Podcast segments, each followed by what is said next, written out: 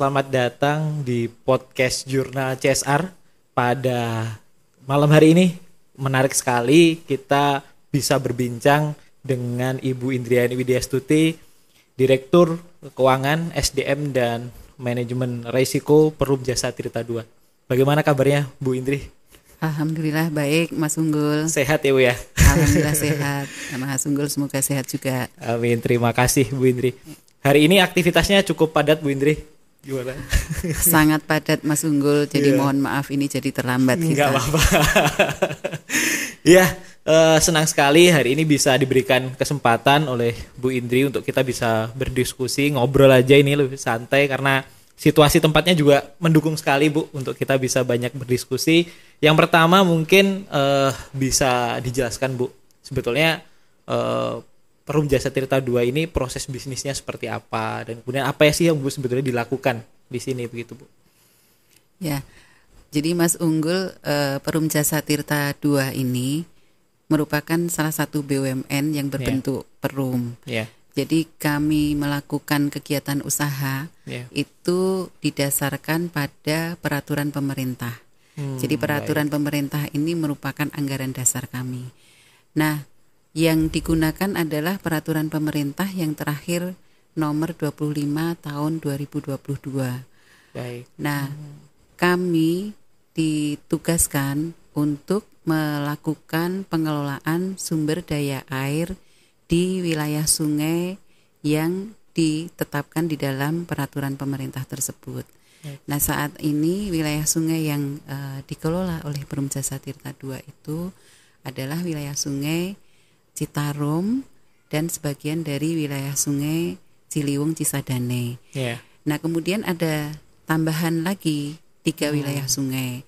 Namun karena PP ini masih baru, Baik. kami terima di bulan Juli 2022 ya. untuk tiga wilayah sungai ini masih dalam pembahasan penyerahan aset e, serah kelola hmm. dari barang milik negara yeah. ke Perum Jasa Tirta II sehingga hmm. saat ini ini masih dalam proses yaitu yeah. ada di wilayah sungai Cimanuk, Cisanggarung itu di Cirebon, yeah. kemudian Cidano, Ciujung, Cidurian itu di Banten, kemudian Wai Seputih dan Sekampung itu di Lampung. Nah, okay. Uh, cukup luas juga ya Bu ya. Cukup luas. wilayah Sekarang wilayah kerja ya. kita sudah menjangkau tidak hanya di Jawa Barat, hmm, tetapi baik. juga di Banten dan Lampung. Yeah. Nah, selain uh, kami diberikan penugasan untuk mengelola sarana dan prasarana sumber daya air yang sudah dibangun oleh pemerintah yang kemudian diserahkan kepada kami untuk dioperasikan dan dilakukan pemeliharaan. Yeah. Kami juga melakukan kegiatan usaha. Hmm. Nah, kegiatan usaha kami yeah. itu antara lain yeah. mengoperasikan PLTA Oh, Jadi okay. kami menghasilkan listrik, listrik ya, ya. Uh, dari energi baru terbarukan. EPT. EPT. Lokasinya ada di mana Bu Kak untuk yang PLTA? Lokasi PLTA kami ini hmm. ada di Bendungan Insinyur Haji Juanda, tapi lebih dikenal se di hmm. Bendungan Jatiluhur. Itu nama ya, kerennya mungkin ya. kerennya Bendungan Jatiluhur yeah. ya karena lokasinya ada di Jatiluhur. Yeah. Nah, Kemudian bisnis kami yang lain itu adalah menyalurkan air baku. Air baku dari mana sumbernya? Dari Sungai Citarum hmm. dan juga dari sungai yang ada di uh, wilayah Sungai Cimano, eh, maaf Cili, Ciliwung dan Cisadane. Nah, dari uh, Sungai Citarum ini kan ada bendungan tiga yeah. bendungan ya tiga bendungan yang kami kelola satu bendungan yaitu yang di uh, bendungan Insinyur Haji Juanda. Nah uh, air baku itu menjadi usaha kami salah, satu salah satunya. Kemudian air bersih yeah. kami mengolah uh, air baku menjadi air bersih. Kemudian ini kami salurkan ke industri yeah. dan juga ke masyarakat karena kan bendungan ini ini didirect didirikan tahun 67 ya. Oh, sudah. Sudah lama sekali. 55 tahun. Iya. Kemudian lama pembangunannya sekitar 10 tahun. Nah, sejak tahun 67 ini kami memang sudah memproduksi air bersih untuk yeah. mendukung pengolahan uh, listrik. Baik. Jadi uh, listrik ini kan uh, dari air yang diterjunkan ke turbin, yeah. pendinginnya adalah dari air bersih ini, hmm. sehingga uh, yeah, itu uh, kami menghasilkan air bersih juga. Nah itu bisa juga menjadi bisnis kami. Hmm. Nah kemudian uh, selain air bersih, kami juga punya pariwisata dan hotel. Salah satunya tempat ini juga Salah ya, Salah satunya kita saat ini berada di Jatiluhur Valley Resort. Nah ini kawasan wisata yang ada di lingkungan Waduk uh, Jatiluhur. Yeah. Nah, kemudian kami juga punya uh, bisnis uh, aset dan properti. Hmm. Uh, karena uh, kami itu sejak didirikan memang sudah punya aset dan properti itu yang memang harus kami optimalkan. Kemudian kami juga punya bisnis AMDK, hmm. air minum Belum. dalam kemasan. Nah, oh, contohnya ini di belakang, contohnya ada ya? di belakang ini. ini minuman uh, sehat Iya, karena uh, karya anak bangsa. Uh, karya anak bangsa, iya. Siap. Karena ini sebenarnya air di mineral ya, hmm. yang uh, pure water kalau yeah. disebutnya uh, bahasa marketingnya seperti itu. Produksinya di mana bu, kalau boleh tahu?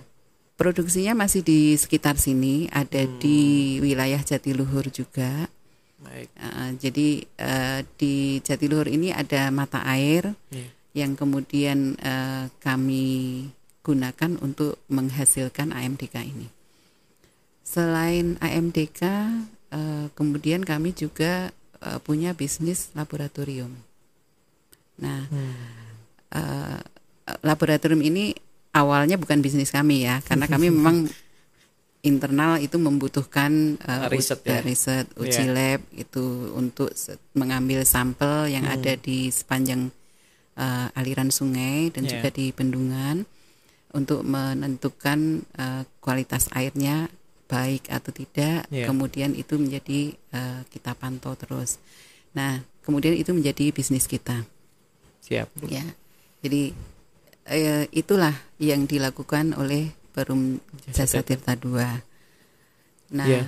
uh, saya kira uh, dengan bisnis yang ada di kami ini ya eh, kami bisa mengembangkan eh, perusahaan ini dan sampai sekarang eh, kita tetap eh, bisa berjalan yeah.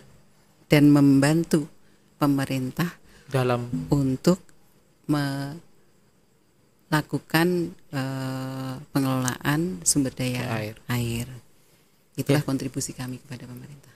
Baik, luar biasa Bu. Tadi kalau dilihat dari bisnis sektornya luas sekali gitu ya mulai dari air minum dalam kemasan, kemudian pariwisata dan lain sebagainya. Dan tentu dalam bisnis itu bukan hanya untuk urusan profitabilitas gitu, tapi juga ada uh, misi untuk bisa melakukan pengelolaan sumber daya air yang kemudian juga ujung-ujungnya dikonsumsi oleh masyarakat gitu. Nah, mungkin bisa diceritakan Bu salah satu tadi sektornya adalah Jatiluhur Valley and Resort yang tempat kita hari ini banyak berdiskusi itu Bu. Dan kalau kita lihat tempatnya satu punya sisi heritage Kemudian yang kedua juga pemandangannya luar biasa apalagi kalau pas uh, sunset ya. Mungkin Bu Indri bisa menceritakan Bu latar belakangnya kenapa sih kemudian ada Jatiluhur Valley and Resort dan apa keunikannya gitu Bu? Ya jadi uh, bendungan Insinyur Haji Juanda ini yeah. tadi saya sudah ceritakan dibangun tahun 57. Hmm. Kemudian 10 tahun kemudian itu diresmikan. Oke. Nah, bendungan ini merupakan bendungan eh, serbaguna.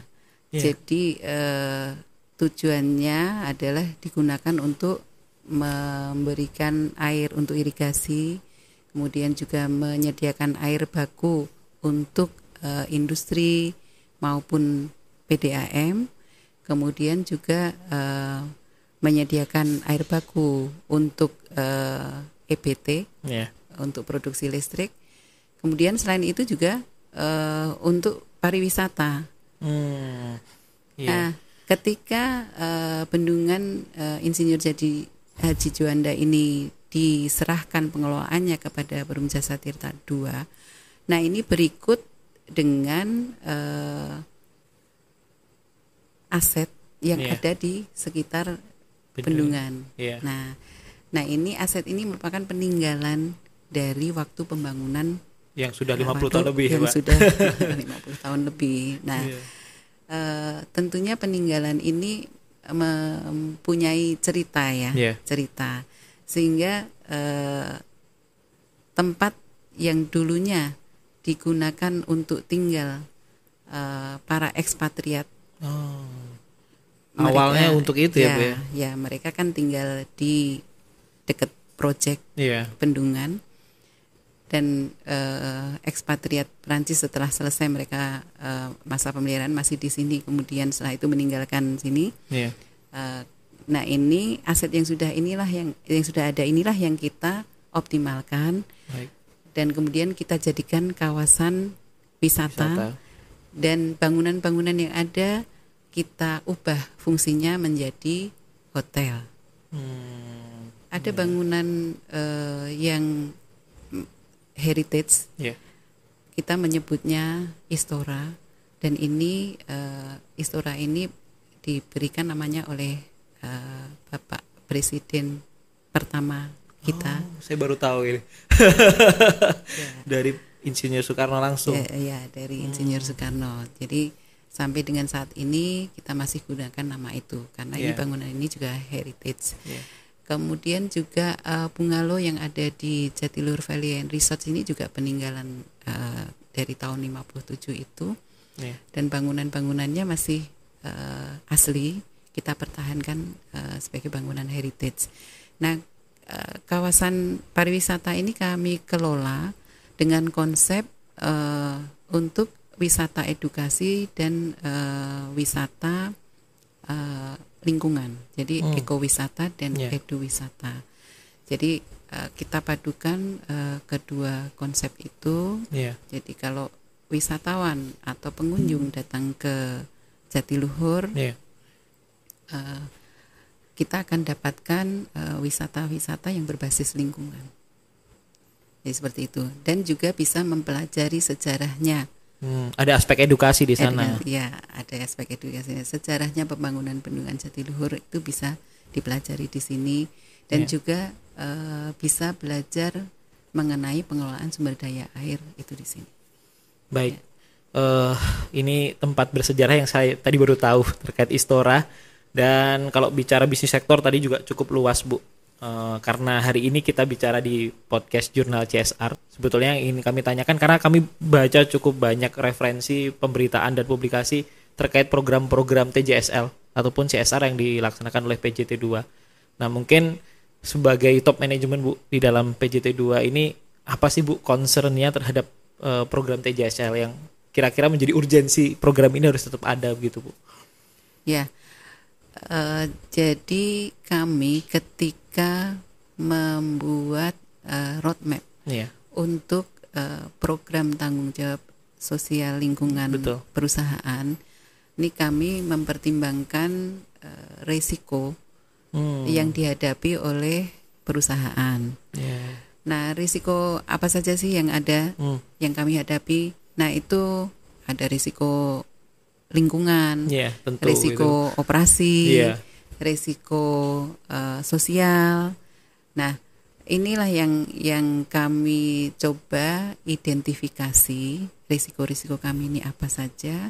Kemudian uh, yang mana yang dampaknya itu paling besar itu kami coba uh, lihat hmm. program apa yang cocok di sana. Iya, jadi berbasis resiko terlebih jadi dahulu. Berbasis resiko.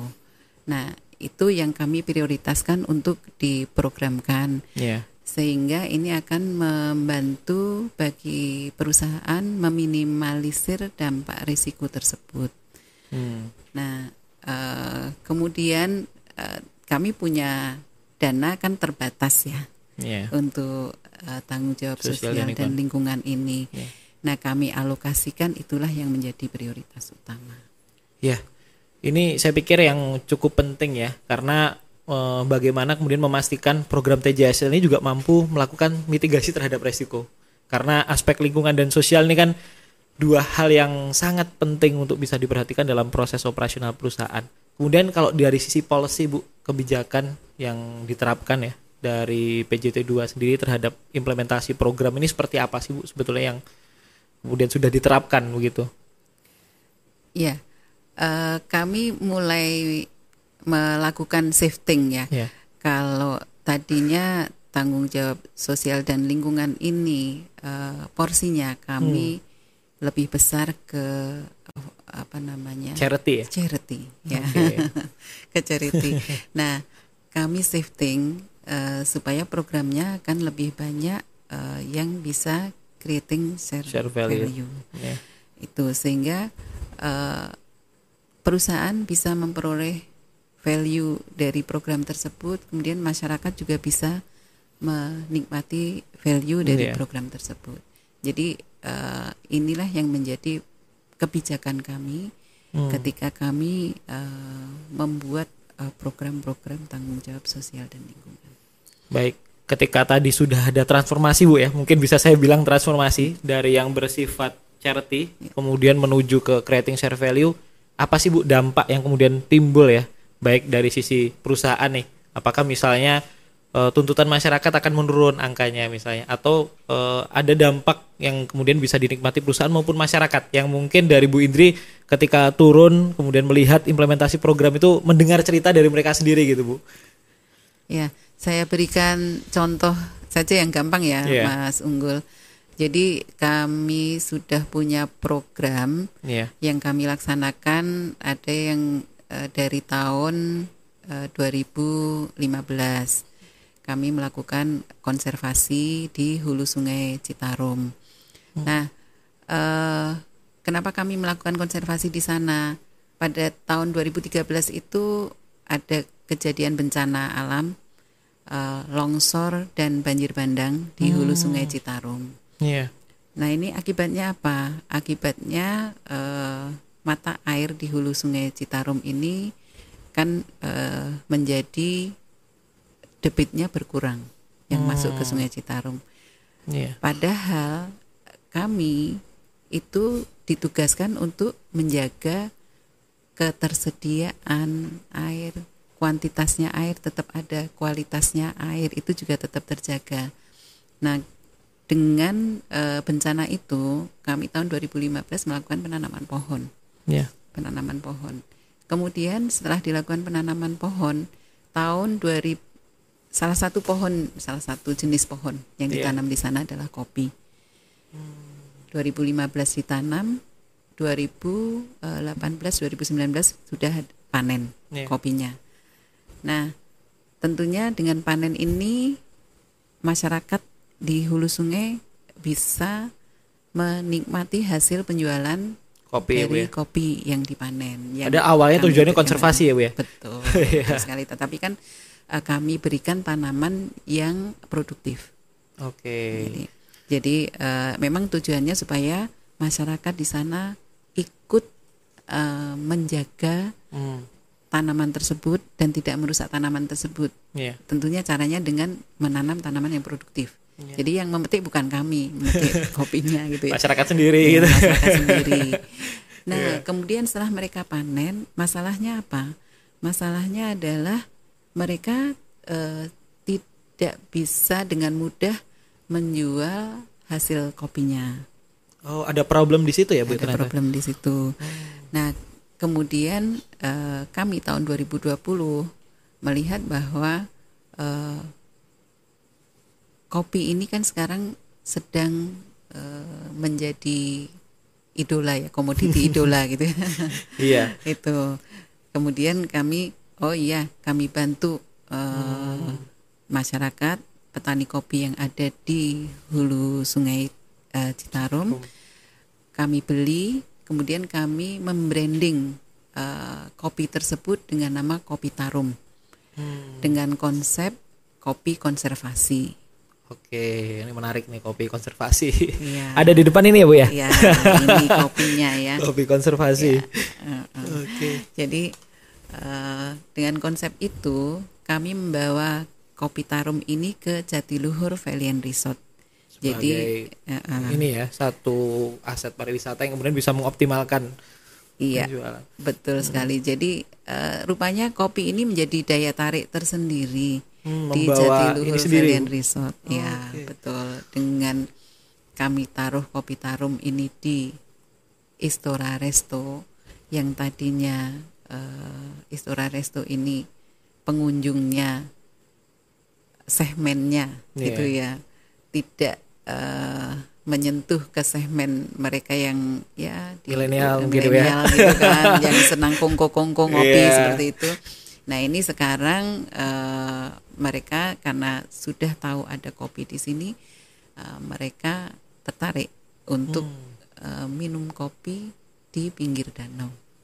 Oke, jadi nah. justru yang mendatangkan traction pengunjung ya, Bu. Iya, Salah betul. satunya adalah dengan adanya kopi tarum. Betul. Nah, inilah uh, menurut saya inilah uh, konsep CSV yang bisa kami terapkan karena yeah, yeah.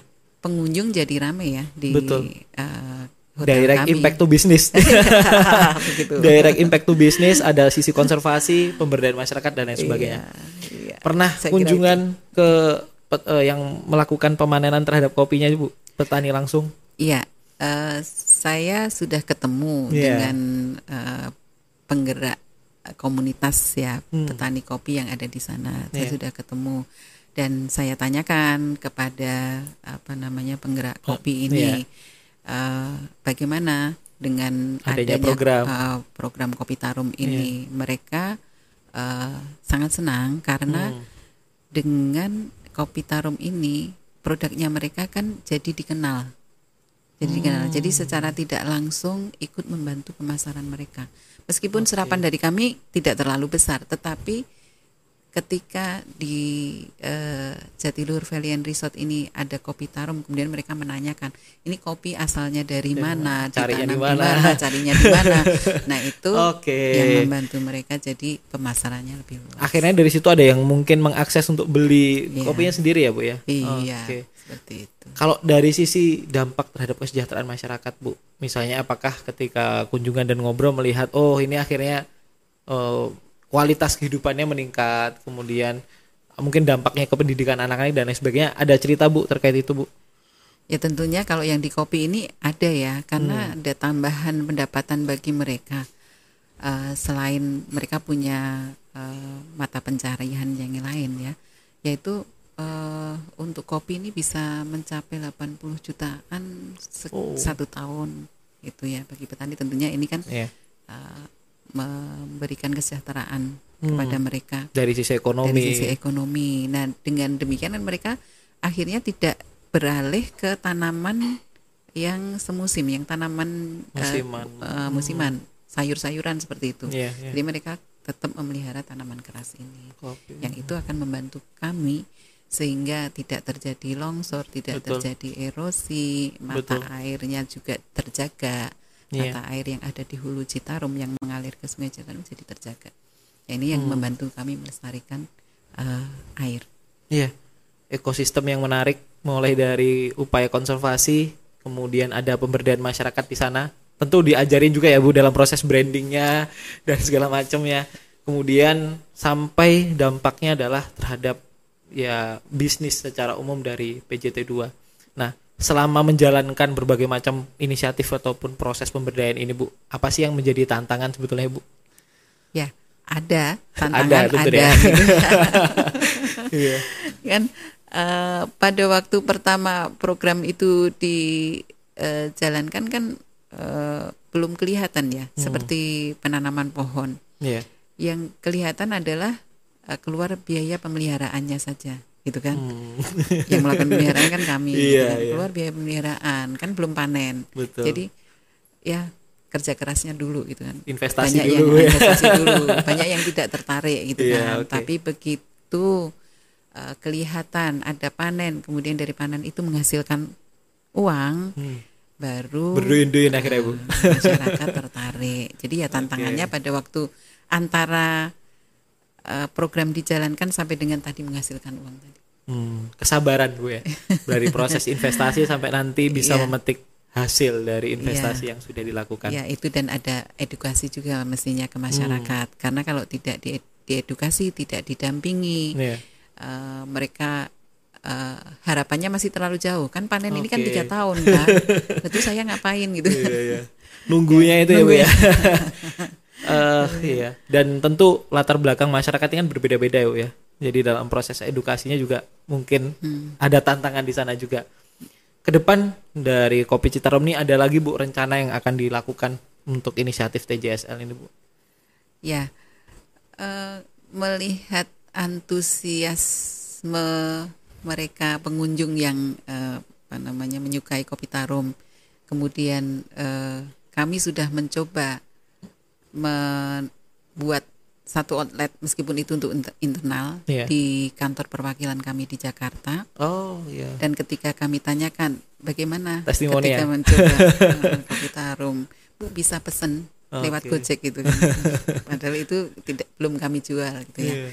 Artinya uh, mereka melihat bahwa cita rasa kopinya enak. Berarti hmm. kan ini uh, artinya bisa menjadi uh, komoditi yang uh, laku potensial gitu ya, potensial gitu ya potensial. Yeah. Nah ini uh, tentunya kami mencoba untuk bisa menambah outlet, tetapi dengan perhitungan ya. Yeah. Nah dengan adanya outlet baru ini tentunya kan akan menambah lapangan pekerjaan. Betul. Ya. Terdampak dari hulu sampai ya. hilirnya. Seperti itu. Baik. Uh, bagus sekali ceritanya menarik. Pengen ngopi jadi ya bu? Silakan iya iya siap. Uh, kalau ibu sendiri melihat berbagai macam inisiatif yang dilakukan ya bu? Uh, kita tahu sekarang dalam konteks global itu dikenal sebagai SDGs bu Sustainable Development Goals atau tujuan pembangunan berkelanjutan. Nah, kira-kira menurut Bu Indri sendiri gitu ya, dari inisiatif yang dilakukan, adakah korelasinya Bu terhadap tujuan pembangunan berkelanjutan?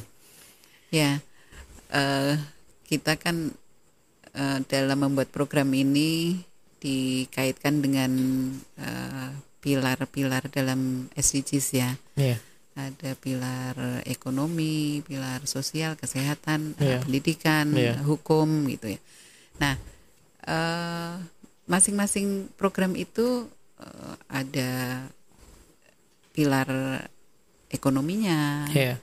Ada pilar uh, sosialnya Sosial. gitu ada pilar lingkungannya jadi hmm.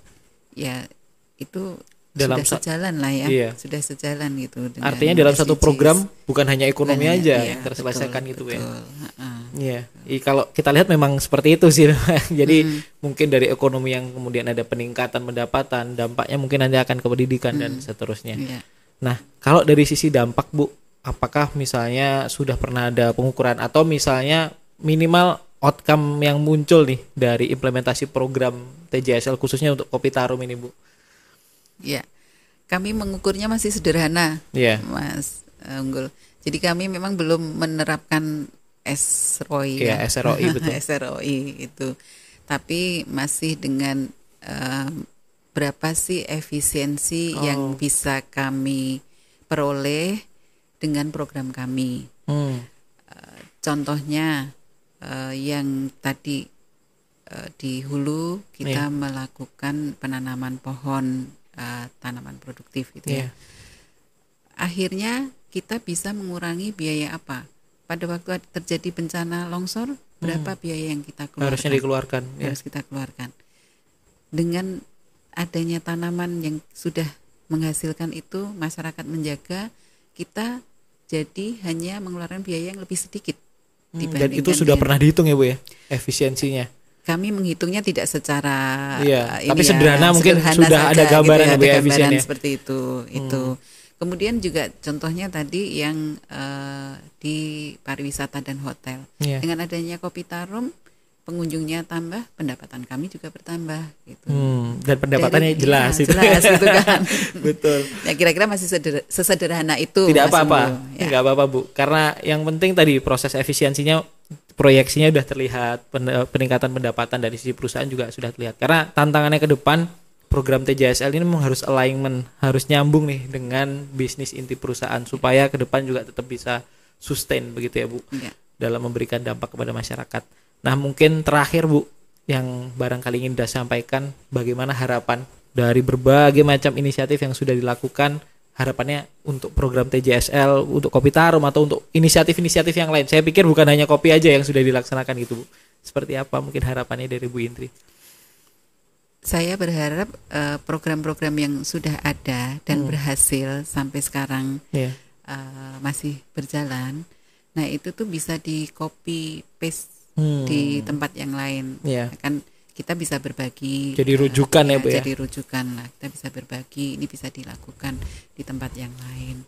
Jadi dan kami pun uh, di perusahaan punya lokasi yang lain kami juga bisa menggunakan skema yang sama. Karena titiknya bukan hanya di sini gitu ya. Betul, betul. Saya kira itu. Iya kami doakan eh, program-program uh, yang dijalankan oleh PJT2 ini menjadi trend center ya terutama untuk bagaimana melakukan program pemberdayaan sekaligus juga upaya terhadap konservasi yang itu berdampak langsung terhadap bisnis perusahaan. Terima kasih Bu Indri untuk waktu dan kesempatannya. Sama-sama Mas Unggul. Semoga sukses selalu untuk di setiap kegiatan dan aktivitas Bu Indri. Amin. Terima Amin. kasih banyak Mas Unggul. Yeah.